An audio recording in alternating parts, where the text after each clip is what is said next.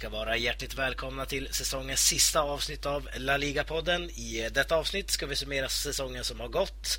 Eh, vi ska även prata lite grann om det senaste som hänt i veckan, eh, lite kort om Spaniens EM-äventyr och eh, vi ska även prata lite kort om Champions League-finalen som var nu i lördags. Daniel Jakobsson heter jag och med mig som vanligt har jag Sam Saidi som likt mig får sommarlov här nu snart. Hur känns det att säsongen redan är över, Sam? Ja, det känns både kul och tråkigt på samma gång. Så att eh, man kommer ju sakna det under sommaren. Men nu har vi lite EM att se fram emot. Så att eh, det ska inte vara allt för jobbigt. Nej, precis. Abstinensen, liksom, den, eh, den, den kanske inte hinner krypa ja. in i oss riktigt. Nej, eh, kanske inte. I och med EM och silly season som alltid är aktuellt och sådär. Mm. men den, den, spanska ligan är i alla fall över och Copa del Rey över, Champions League över, Europa League över. Det är lite så här tomt på något sätt kan jag tycka ändå. Eh, men eh, skitsamma. Ja, det är tomt i podden också. Ja, det är tomt i podden. Jag skulle precis komma dit också. Eh, till skillnad från alla andra program som vi kör här nu så har vi faktiskt ingen gäst med oss den här veckan utan det är bara jag och Sam som rattar denna vecka. En, en ny gäst kommer väl förmodligen till nästa år då. Eller ja, det kommer ju komma till nästa säsong såklart. Inte första avsnittet eller? Antar jag. Ja, det, det får vi se. Förmodligen inte. Ja. Så att vi kan kickstarta nästa säsong i augusti där någon gång. Eh, men eh, ni får försöka överleva med bara mig och Sam den här veckan. Då. Det ska nog gå bra ändå, hoppas jag. Eh, jag tänkte att vi direkt skulle hoppa på första programpunkten. Då, veckans fråga som är inskickad av signaturen Edip. Uh, han har skickat in den till laligapodden.gmail.com och uh, ni får gärna skicka in frågor även nu under sommaren som vi kanske läser och tar till oss av. Uh, gärna lite synpunkter framförallt nu när säsongen är över på vad vi, vi, kan förbättra eller vad ni tycker att vi ska göra. Om ni vill vara med i podden, om ni har tips på folk som ska vara med i podden och så vidare. Det är bara skicka in. Vi är väldigt välkomnande, tror det eller ej. men strunt samma, den här frågan är alltså inskickad av Edip och hans fråga är ju ganska aktuell för mig i alla fall i och med att den handlar om Deportivo och den lyder Har ni någon koll på Deportivo La Coruñas nyförvärv Emre Colak? Ursäkta uttalet. Eh, kommer han följa andra turkars fotspår i La Liga? Eh, vi kan väl börja här direkt Sam. Vad har vi för koll på Emre Colak här? Ja, Emre Colak är ju en Galatasaray-produkt som jag har eh, inte kanske där superkoll på men eh, när, när jag själv bodde i Istanbul så har namnet dykt upp och kan man så här, kunde göra lite inhopp. Han är inte allt för gammal. Han är, eller ja, han fyller 25 år ändå tror jag om han inte har fyllt. Eh, jag tror han har fyllt faktiskt. Men han är en eh, offensiv spelare som eh, gillar att utmana väldigt mycket. Har inte fått det här förtroendet som eh, som eh, ja, man förväntade sig lite att han skulle blomma ut till den här eh, typiska Galatasaray-spelaren. Men eh, en, en talang fortfarande som Jens någonstans ändå väntar på sin chans att blomma ut. Han har ju liksom gått igenom hela alla de här ungdomslandslagen från U15-landslaget och nu är han ändå i A-landslaget gjort två, två framträdanden där tror jag, om inte mer till och med. Mm. så att ja, det är väl det. Följdfrågan, vad, vad var det nu igen? Det var... Eh, Följdfrågan om man kommer följa andra turkars fotspår i La Liga. Ja, det är en lite oklar fråga men eh, mm. Om man menar andra turkars fotspår som Arda Turan så, så är Arda Turan ett, ett bra exempel egentligen om man tänker liksom hans tid Atletico. Eh, där han var väldigt eh, framgångsrik. Har man däremot så här, en, en spel som Rushdo, ja, det, det fotspåret vill han nog inte gå. Nej, precis. Niat är ett annat bra ett exempel där som även Edip nämner här i sitt mail till oss också. Mm. Men, men som sagt, Emir Colak, jag har inte heller någon vidare koll sådär. Jag har inte sett han spela så många matcher. Det skulle vara i Champions League då. Men nu har vi alltså Galatasaray som faktiskt missar Europa helt nästa säsong. De tog, kom ju sexa där i ligan. Eh, så det kan jag tänka spegla in här också att han väljer att lämna Galatasaray för Deportivo. Då. Galatasaray erbjöd ju även honom ett nytt kontrakt eh, men som han tackade nej till då, som, eh, och gick till Deportivo istället och som faktiskt var bestämt flera veckor tillbaka. Det var bara det att de hade en cupfinal nu Galatasaray och därför så mm, har inte det här blivit offentliggjort tidigare heller ska vi lägga till. Men högst intressant absolut tycker jag. Ehm, men vi som sagt ingen superbra koll på den här killen. Men det ska bli kul att se honom i mitt Deportivo framförallt. Ehm, men eh, vi tackar så mycket för frågan Erik. Hoppas vi svarar på den, annars får vi ta upp det igen nästa säsong. Ehm, men eh, vi går vidare direkt till nästa grej som är då de här eh, managerserna. Vi snackade lite löst om det, om det var förra veckan eller förra, förra veckan. När jag ställde en hypotetisk fråga om managers som kanske får kicken eller kommer lämna. Och sen förra veckan så har vi faktiskt haft tre managers som har lämnat La Liga. Eh, vi har Javi Gracia som lämnar Malaga eh, och går till en annan klubb och ersätts där av Juan de Ramos faktiskt. Eh, Konstantin Galcha i Espanyol har fått sparken och likaså Victor Sanchez i Deportivo. Ehm, om vi börjar lite kort här med Javi Gracia som alltså lämnar Malaga och ersätts av Juan de Ramos. Hur, hur känns det bytet Sam? Um sådär, eh, både bra och dåligt. Jag tycker Malaga gjorde en väldigt bra säsong med tanke på hur det, hur det startade och vi var väldigt oroliga för deras målskytte och man kom ändå i åtta i ligan vilket är väldigt imponerande. Så att eh, jag hade ju gärna sett en fortsättning där, helt klart. Eh, Precis. Men, det, vad sa du? Nej, jag skulle bara fylla i där att det är han, han själv som han får inte sparken utan han gick då till Ruben Kazan här. Ja, ja. Just, just det. Eh, men om man tittar på ersättaren så är det ju ändå en gammal ja, bekanting i Juan de Ramos som jag kommer ihåg eh, framförallt mellan 2000 2005 till 2010, då, då, då, kände jag att han var väldigt aktiv i, i, i fotbollseliten om man säger så. När han både liksom tränade ett framgångsrikt Sevilla men även liksom gjorde en session i Real Madrid. Mm. Eh, så det, det, är ju en taktiker som eh, ja, i sina bästa dagar är en väldigt eh, eh, ja, men kompetent tränare framförallt. Han har mycket kunskaper och mycket att bidra med. Mm. Eh, kanske inte så här, eh, hade inte den statusen för att träna Real Madrid kanske, men det han gjorde i Sevilla var ju fantastiskt. Och, eh, han var väl också en session i Tottenham. Precis. Eh, de, de, han tog ju faktiskt fram nästan kan man säga tillsammans med Monchi och så vidare i Sevilla det här fram, framgångsreceptet eller vad man ska säga mm. som eh, någonstans startade där. Eh, tror du att det kan bli något liknande här i Malaga nu? Ja, det är lite i de banorna jag tänker. Att det, han kanske ser en sån utvecklingspotential i det här Malaga. Att, eh, utöver att de båda är från Andalusien så har ju Malaga, ja men det är lite oklart om det är en klubb som ska satsa eller som bara nöjer sig där de är. För att de presterar ju ändå väldigt bra. Har, många, har en väldigt bra akademi och jag tror Juan Ramos eh, kan vara den tränaren som faktiskt tar Malaga till nästa steg. Eh, som tar Malaga kanske ut i Europa Eh, på ett ganska framgångsrikt sätt och kanske till och med upp och slåss eh, ja, vid Champions League-strecket till och med om han får till det. Men det hänger väldigt mycket på det organ organisatoriska runt om också. Precis, han kanske behöver en Monchi exempelvis som i Sevilla. Ja. Som, som för övrigt ska jag lägga till här nu eh, ryktas på vara på väg bort från Sevilla. Eller det ska vara mer eller mindre klart att Monchi lämnar Sevilla, vilket är en, en liten side-note där som vi kanske får utveckla om vi kör något silly-program eller så vidare i sommar. Men Konstantin Martin Galcher i Espanyol. Här har vi alltså en kille som eh, tog över där som caretaker. Eh, fick säsongen ut efter att eh, Sergio Sanchez fick sparken. Och eh, gjorde väl ändå helt okej okay i Espanyol måste man ändå säga. Nu ryktas det då, nu efter att han har fått sparken om eh, Paco Scheme som jag var inne på tidigare. Och även Kiki Sanchez Flores, eh, den tidigare Watford-tränaren och även eh, Atletico Madrid bland annat. Eh, hur ser du på att han fick sparken till att börja med Sam Galcha här?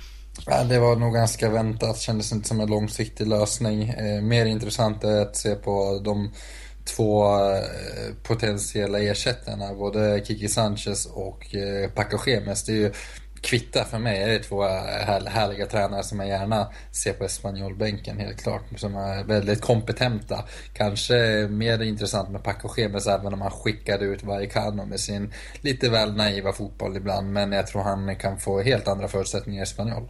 Ja, precis. Och det är nya ekonomiska muskler där också får vi lägga till såklart. Verkligen. Eh, så att eh, om, låt säga att Paco Jiménez tar över det så skulle det vara väldigt intressant att se vad han med de här nya kinesiska ägarna kan bygga i det här Spanjol. Eh, mm. Kiki Sanchez Flores också en väldigt duktig manager, det såg vi i Watford bland annat i år. Men jag, jag, jag håller med dig, Paco Jiménez skulle jag också vilja få in där.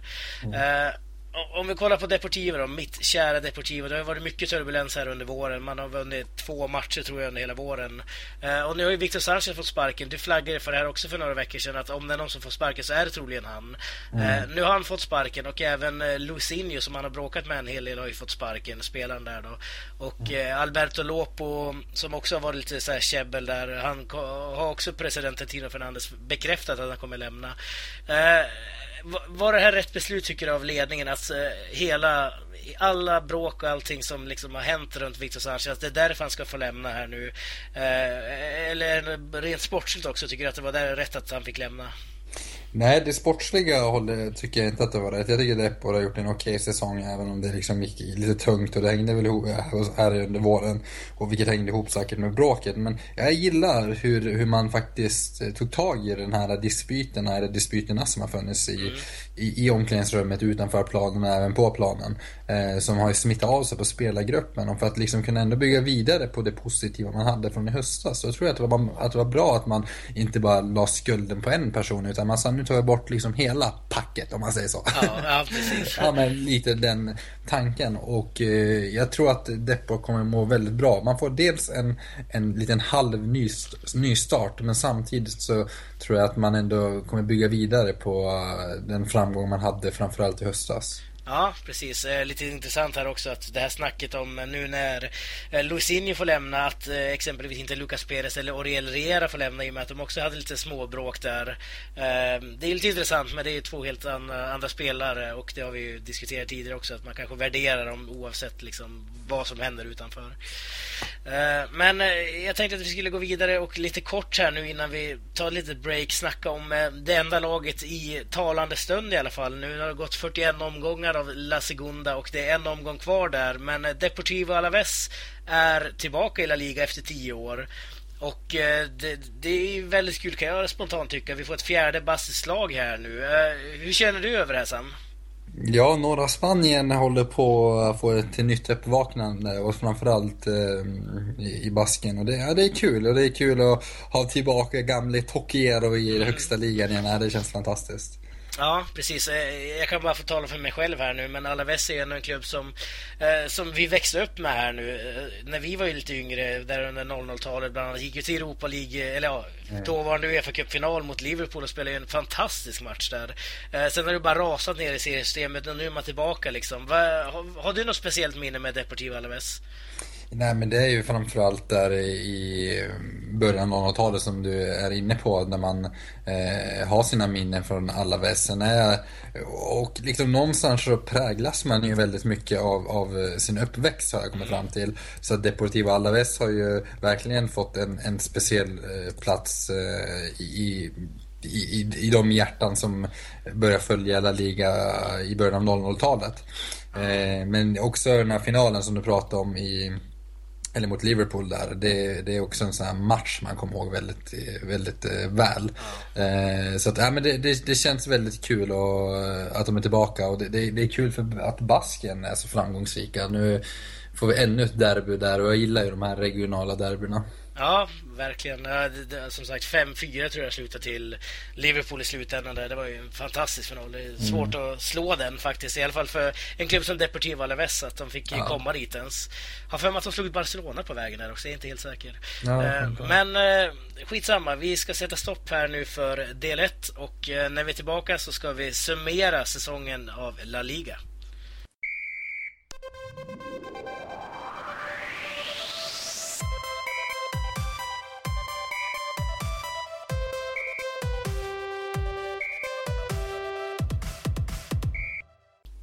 Klubblagssäsongen 2015-2016 är över och vi kan konstatera följande bland annat att FC Barcelona är ligamästare. Eh, vi får återigen fem lag i Champions League till nästa säsong. Eh, Levante, Getafe, Rayo Vallecano lämnar La Liga och eh, så vidare och så vidare. Athletic Bilbao till Europa League, Villarreal till Champions League och så vidare. Ehm, jag tänkte att vi skulle börja den här lilla säsongssummeringen med att du Sam eh, ska ge din syn på säsongen som har varit i stort. Eh, hur, hur har du upplevt säsongen 2015-2016 i La Liga? Oh, det är en väldigt stor fråga måste jag Verkligen. säga. Eh, men, och, och, det kommer bli ett väldigt subjektivt svar förmodligen. Det, det har varit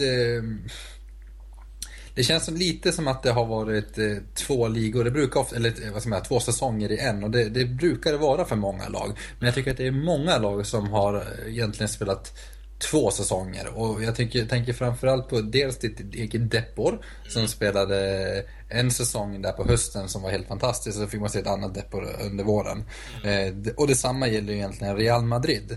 Eh, det är väl det jag känner eh, är något som sticker ut någonstans. Att det blev två verkligen skilda världar där som verkligen ja, höll på att ställa till det för den andra och blev en framgångssaga för den, för den, för den ena.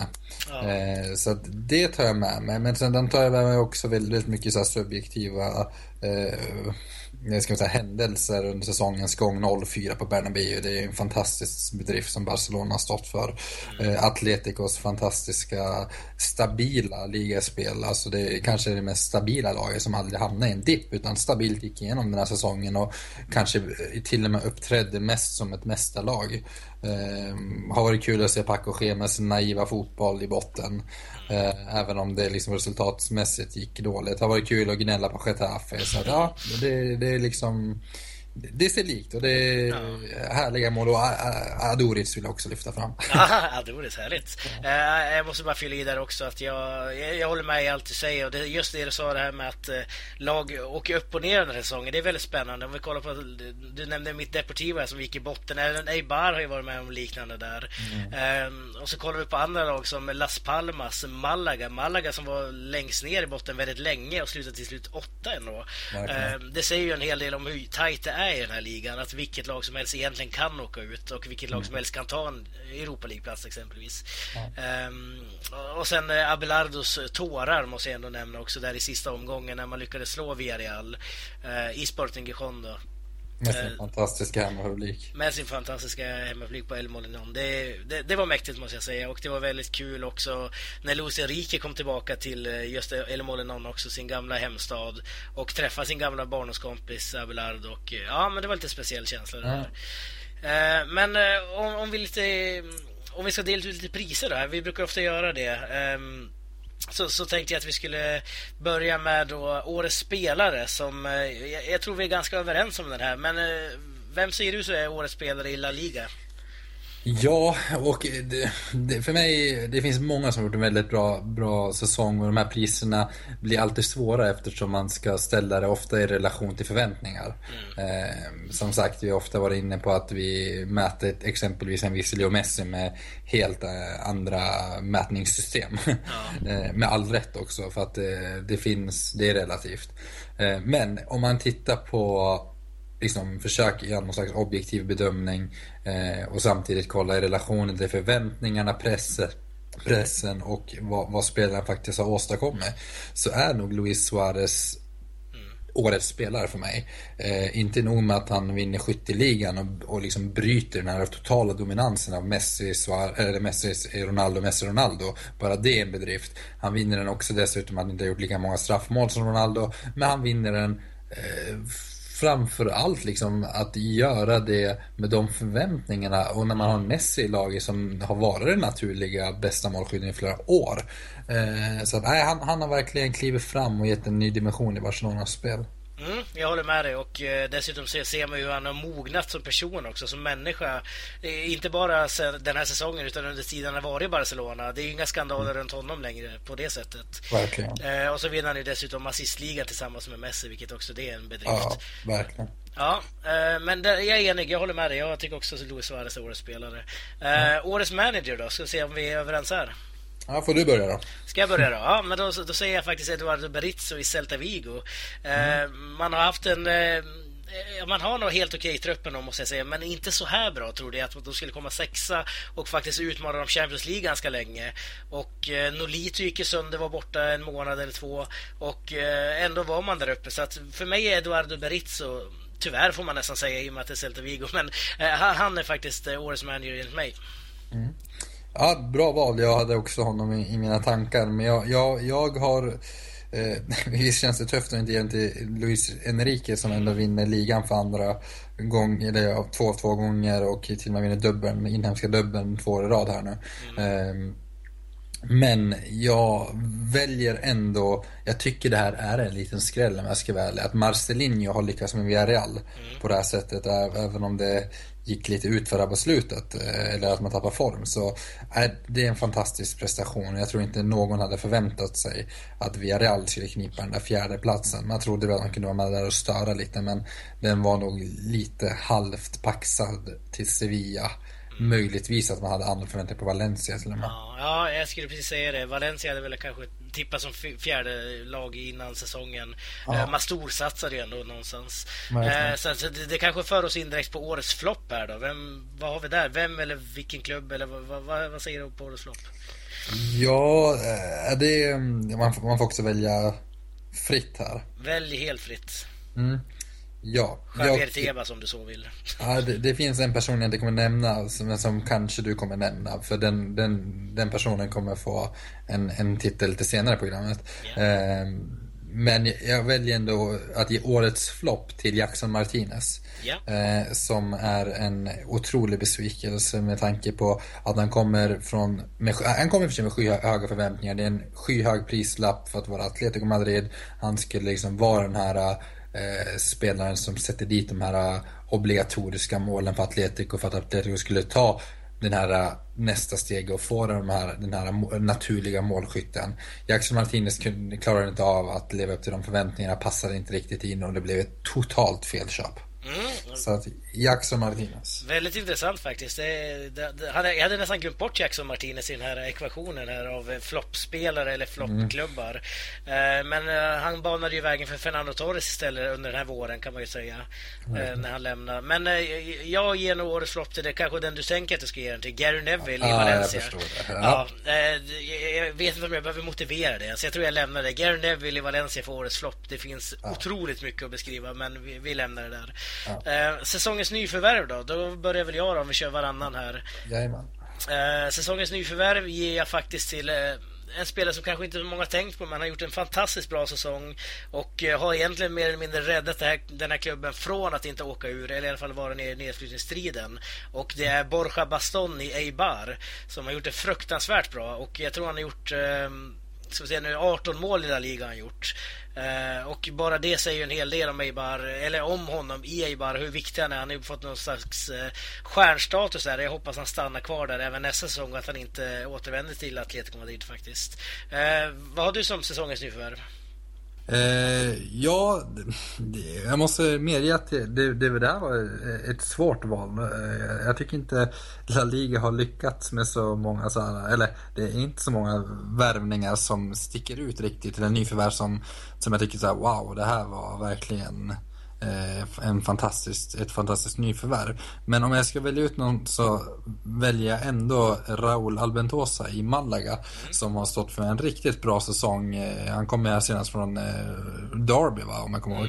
Mm, och har ju verkligen, ja, det fanns väl inga förväntningar på honom egentligen. Och den stora Albentosa har ju i stort sett spikat igen där bak och Malaga har ju det är ju egentligen defensiven som har kännetecknat Malaga och det är det som har legat bakom till varför man eh, får en sån fin eh, slutplacering i slutändan och Albentosa har varit en starkt bidragande faktor till det. Mm, ja, verkligen. Det, det hade kunnat vara ett val som jag också hade tagit. Jag menar, de har fjärde bästa defensiven tror jag ändå, trots den här turbulenta säsongen man har haft.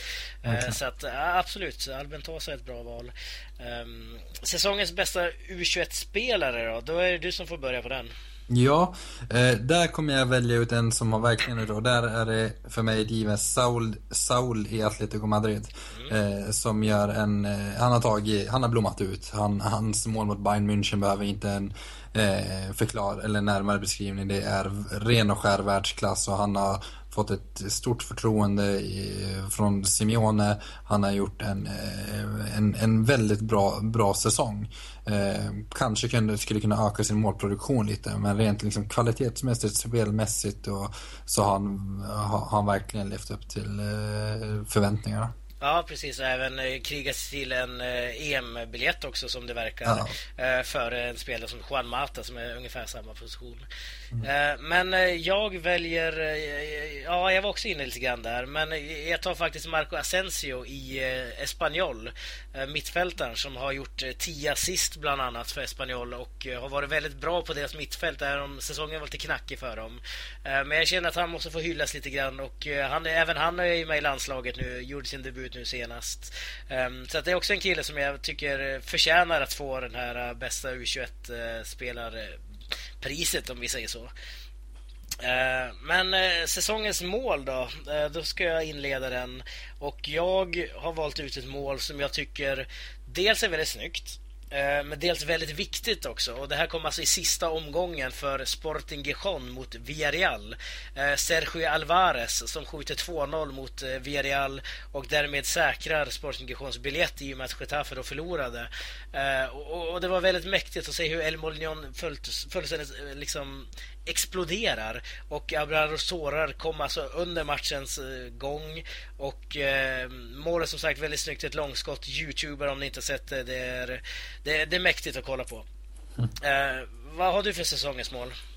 Ja, jag har ingen sån eh, kontext att sätta i kanske. Eh, men som kan, jo men lite, det är derby i alla fall det här målet och det är ett baskiskt derby och det är vår allas, höll jag på att säga, men en på nytt född på många sätt. Eh, Adoric som gör en fantastisk cykelspark där mot Eibar om, mm. om du kommer ihåg.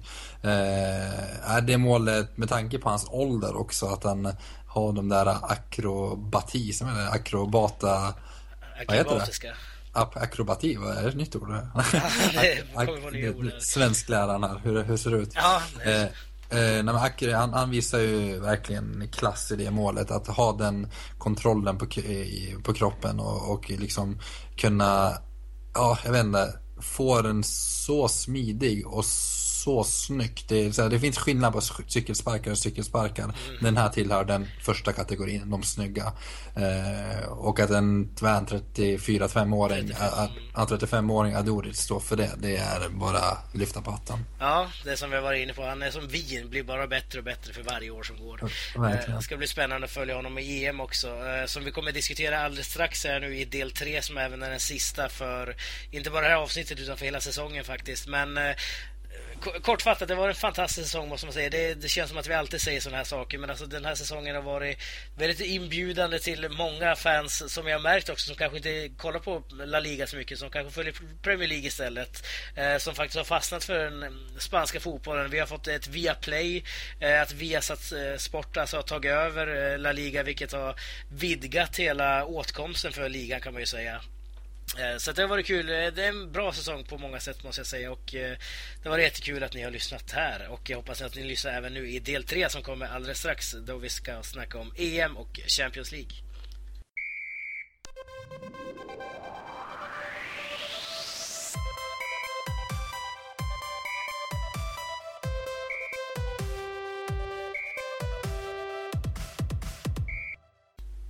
I denna tredje och för säsongens sista del ska vi prata lite grann om Champions League-finalen som spelades nu i lördags. Och eh, vi ska även prata lite grann om det spanska landslaget som nu beger sig in i ett nytt mästerskap till sommaren. Eh, och jag tänkte att vi skulle börja där också med landslaget och då Vicente del Bosques preliminära trupp som han har tagit ut. Eh, spelare som exempelvis Diego Costa, Juan Mata, Santi Cazorla, Mario Gaspar och så vidare. De saknas i den här truppen, Sam. Hur skulle du kommentera hans truppval? Eller preliminära truppval? Ja, både... Den är ganska väntad måste jag säga. För att de här äh, spelarna som, ja, som kanske sticker ut som det finns, jag tänker så på Diego Costa eh, framförallt. Det, det, här har vi blivit lite förvarnade för. Och det är väl typ den trupp jag faktiskt har förväntat mig om jag ska vara um, ärlig. Mm. Okej, okay, mm. det, det, är ingenting som uh, du, du, reagerar på de här spelarna som jag nämnde, som exempelvis Juan Mata som har haft en fantastisk säsong i Manchester mm. United, att han petas istället för uh, en sån som Saul exempelvis. Ja, Saul ser jag inga konstigheter Däremot så kan man ju fråga så här, Lucas Vasquez, vad, vad han gör i en, i, i en, en sån trupp. Uh, Lucas Vasquez har ju inte haft någon, alltså det där är ju bara vad de spelar i Real Madrid. Det påminner lite om Mark Bartra, vad, vad gör han där? Eh, det är också så här, bara för att det är Barcelona och Real Madrid betyder inte att det är kvalitetsspelare. Eh, så att där, är vi, där har vi två frågetecken, men det var fortfarande ganska förväntat, framförallt när det kommer till Bartra. Så det där handlar nog mer om att han, eller Delbos, känner att han vill bibehålla gemenskapen även utanför planen lite. Mm. Ja, precis om vi kollar på den här preliminära truppen som Del, Del, Del Bosque då skickade ut så var det från början meningen att Dani Carvajal skulle vara med här, högerbacken i Real Madrid. Men han är nu skadad efter Champions League-matchen och eh, kommer därför ersättas av Hector Bellerin som aldrig har spelat i landslaget förut. Han spelade nu mot Bosnien senast. Mm. Um, hur ser du på det bytet? Eh, Arsenal-spelaren Bellerin kliver in, men inte en sån som Mario Gaspar som har varit med under våren. Ja, det var lite oväntat faktiskt nu, nu när du säger det. Och speciellt med Gaspars, eh, efter hans drömmål här i våras, eh, så förtjänar han nästan bara en plats, tack, eller bara med det rekordet. Men eh, ja, det är oväntat. Nu kommer nog ändå Jean Fram ta den där startplatsen nu, alldeles oavsett. Eh, så det spelar mindre roll. Men ja, det, det, det, där får vi om. Där fick vi en liten chock. ja, precis. Eh, och eh, det är säkert många som kanske inte följer La Liga så mycket som kanske höjer på ögonbrynen då att Diego Costa inte är uttagen. Um, och, och, de som kanske följer La Liga kanske mer är chockade över att uh, Paco Alcacer inte fick den här platsen exempelvis. Men det blir alltså Aris Arduris som förmodligen Del Bosque kommer bygga det här laget på. Han blir väl det här nummer nio där uppe skulle jag gissa om inte eh, kanske en sån som Alvaro Morata får spela där. Man lär väl hamna lite grann på kanten tänker jag. Um, hur, hur, ser du på det valet han gjorde här nu Del Bosque? Tycker du det var helt rätt att eh, uh, Adoris kommer få den här stora chansen i kanske, eller förmodligen hans sista mästerskap? Ja, absolut. Ja, jo, absolut. Och jag tycker det är det här som är fantastiskt med fotboll. Att, ja, Adoris är som ett vin, det blir liksom bara bättre med åren. Och han är den bästa forwarden Spanien har och då ska han spela oavsett om han är 35 eller 17. Mm. Eh, så där tycker jag Del Bosque verkligen gör ett eh, rätt val och ett modigt val framförallt. Eh, man tänker, visst många tror att det är väldigt kortsiktigt men ja, EM är ganska kortsiktigt. Det handlar om en månad.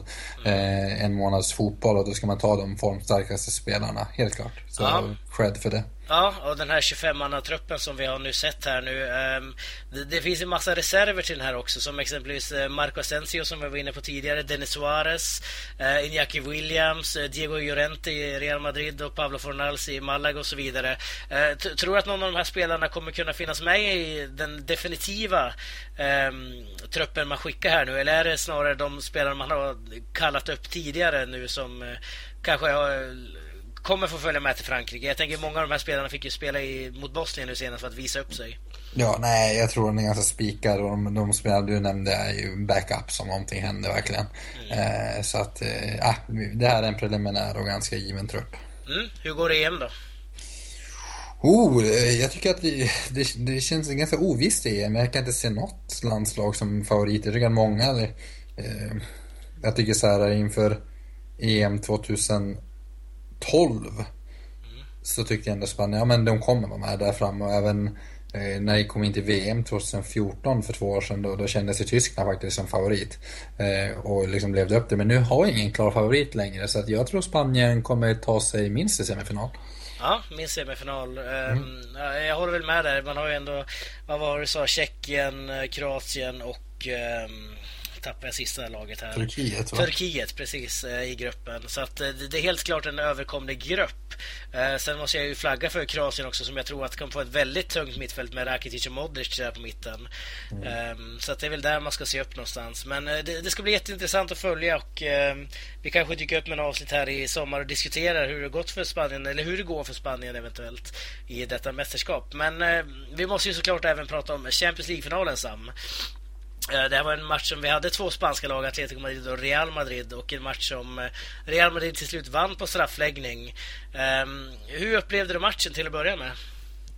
Eh, en, en bättre final än vad jag trodde på förhand. Matcherna mellan Alltså Real och Atletico har väl inte gjort sig kända för att eh, bjuda upp till något skönt spel när de, när de möter varandra. Och det kanske inte var den här matchen heller, utan det var stundtals väldigt låst. Men jag tycker ändå, jämfört med alla andra matcher, så var det ändå väldigt öppet samtidigt, paradoxalt nog. Mm. Eh, så att det, det, kanske hängde ihop med, med det första målet att göra. Att det, där, då, det, var, det kanske liksom öppnade upp matchen på ett annat sätt, att Atletico inte bara ställde upp med den här muren där bak eh, utan var tvungen att faktiskt bjuda på lite kreativitet vilket man lyckades med.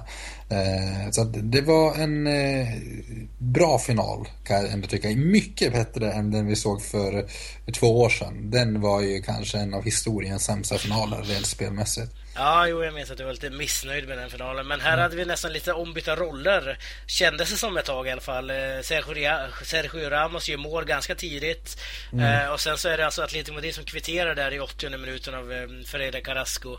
Eh, kändes inte någonstans rent psykologiskt. Jag, jag, när jag satt och tänkte och kollade på den här matchen så tänkte jag att eh, det här är Atleticos final när 1-1 kom, men ändå vart det ingen så slutforcering mot mål. Det blev ju ingen, eh, ingen liksom Inga riktiga farliga målchanser egentligen, varken på förlängningen eller i slutet av matchen. Eller hur upplevde du det? Ja, och det tror jag, och det har också Simeone varit inne på lite här efter matchen, att han är besviken även på sin egen coachning och att man inte tog det tillfället i akt att trycka på för 2-1 mål. För jag håller med hans analys. Atletico såg vassare ut, Atletico såg piggare ut och starkare ut. Och den, den, där fegade man lite tror jag.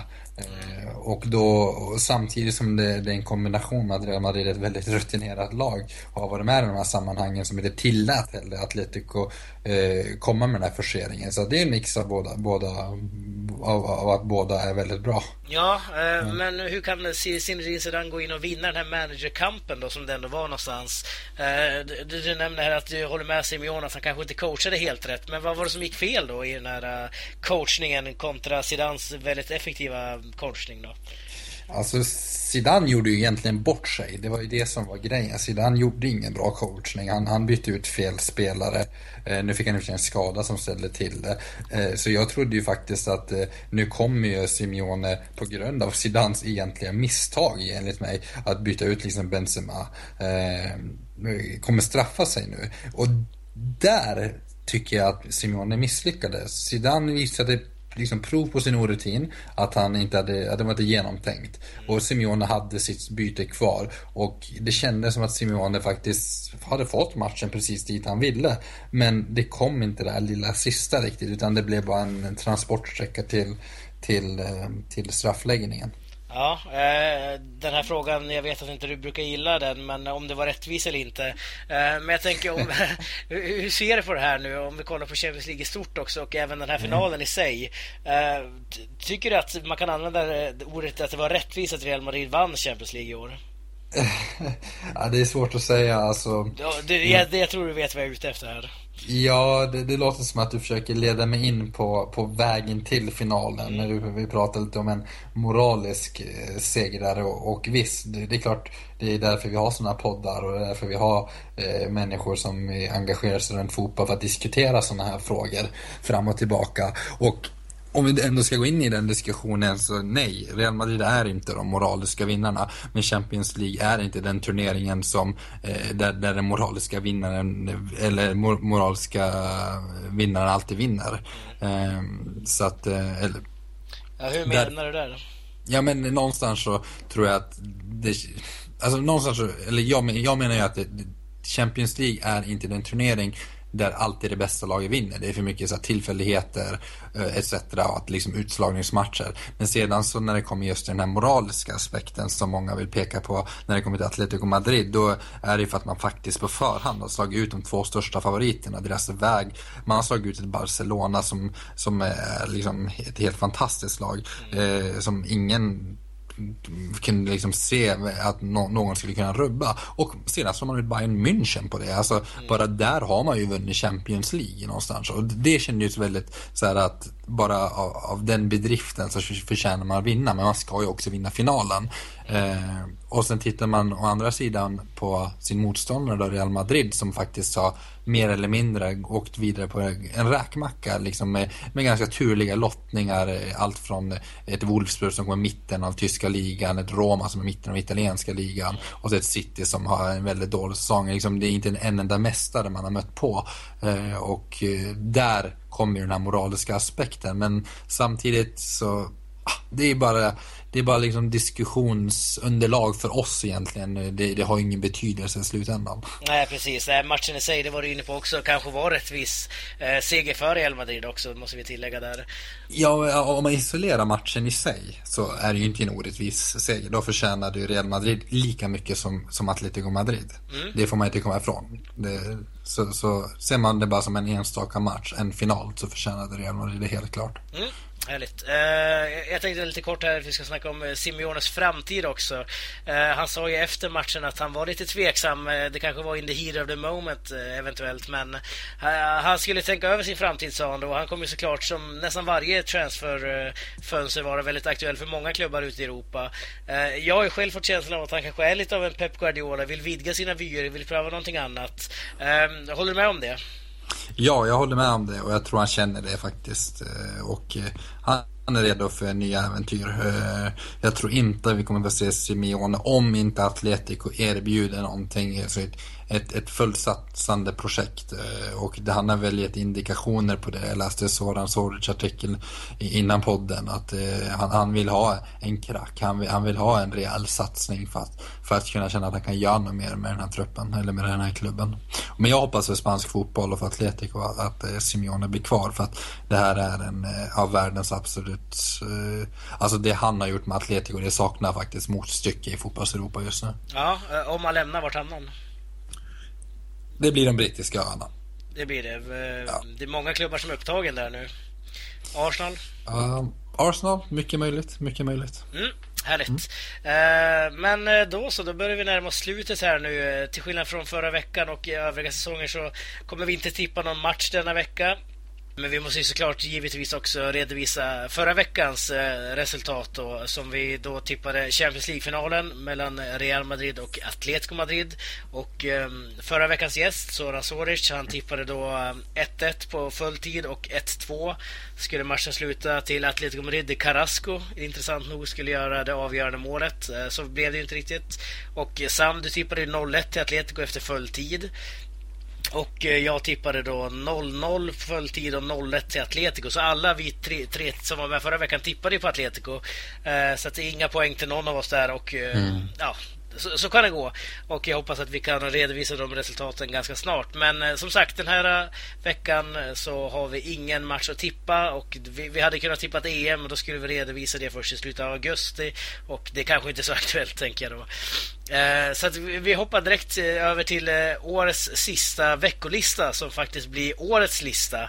Mm. Årets Tokiero och årets Faubert istället för veckans Tokiero och veckans Faubert. Vad har du för årets Faubert, Sam? Eh, vi börjar med Årets Tokiero faktiskt. Årets Tokiero menar eh, var, I valnummer. Årets Tokiero är given och det är ju Tokiero himself, ja, självklart. Ja. Precis som förra året. Men i år faktiskt är det mer befogat än förra året.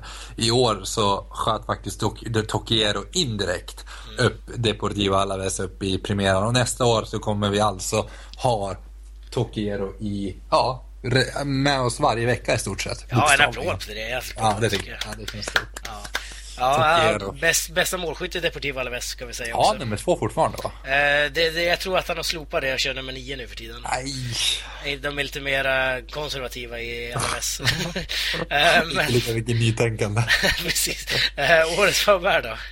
Årets Faubert har vi varit inne på, eller du har varit inne på det och det är ju såklart Gary Neville. Det är spanska ligans, en av de historiens största floppar skulle jag nästan vilja påstå på managersidan. Eh, jag ska faktiskt göra en liten research om det finns någon mot, liksom motsvarighet. Eh, men så här, på rak arm kan jag inte komma på någon i alla fall. Benitez är väl ganska nära men inte ens Benitez kan vi ens Ja, det, det, går inte ens att jämföra. Gary Neville var ett skämt i stort sett och eh, ja, det där kommer ja, finnas med länge när vi kanske blir, byter ut uh, Faubert mot Tokiero, eller mot Neville Gary Neville, precis. Ja. ja, vi, vi sågade ju David Moyes väldigt länge här, men sen när Gary Neville dök upp där runt jul eh, så förändrades ju fokus helt, kan man ju ja, säga. balansen helt. Ja, David May Moyes så framstod ju nästan som en väldigt kapabel tränare ja. eh, i jämförelse med Gary Neville. Men eh, Härligt Sam, då har vi fått den också, sista listan för året. Och eh, vi härifrån, både jag och Sam såklart, eh, vill ju tacka er för den här fantastiska säsongen som vi har haft och eh, att ni har följt oss vecka in och vecka ut. Eh, det här är det 37 avsnittet vi sänder och det är ju ett privilegium måste man ändå säga. Eller vad säger du Sam, att vi får köra den här podden? Ja, verkligen. Och eh, stort tack till alla lyssnare som har, och alla er som har skickat in frågor. Och, ja, det, det, är alltid kul att få feedback. Så ge oss gärna mer feedback by the way. Så vi kan höja vår moral eller självkänsla lite också. Ja, precis. så här, önskar lite mer likes känner jag. Fiska efter dem. Det, det, är, det är som du säger, det, det är privilegierat och det är kul. Och eh, cred till dig Daniel som gör ett jättebra jobb. Ja, det är samma Sam. Det är ja. samma. Ja, det är lite känsligt där. Ja, det är lite sentimentalt här. Nej, men ja, vi... vi får snacka efter sändning du ja. Ja, vi får göra det. Men ja. Eh, tack så jättemycket som sagt och eh, vi syns eh, nästa säsong. Då är vi tillbaka med eh, säsong tre av La Liga-podden. Häng med på det. Ha det så bra. Hej då! Hej då!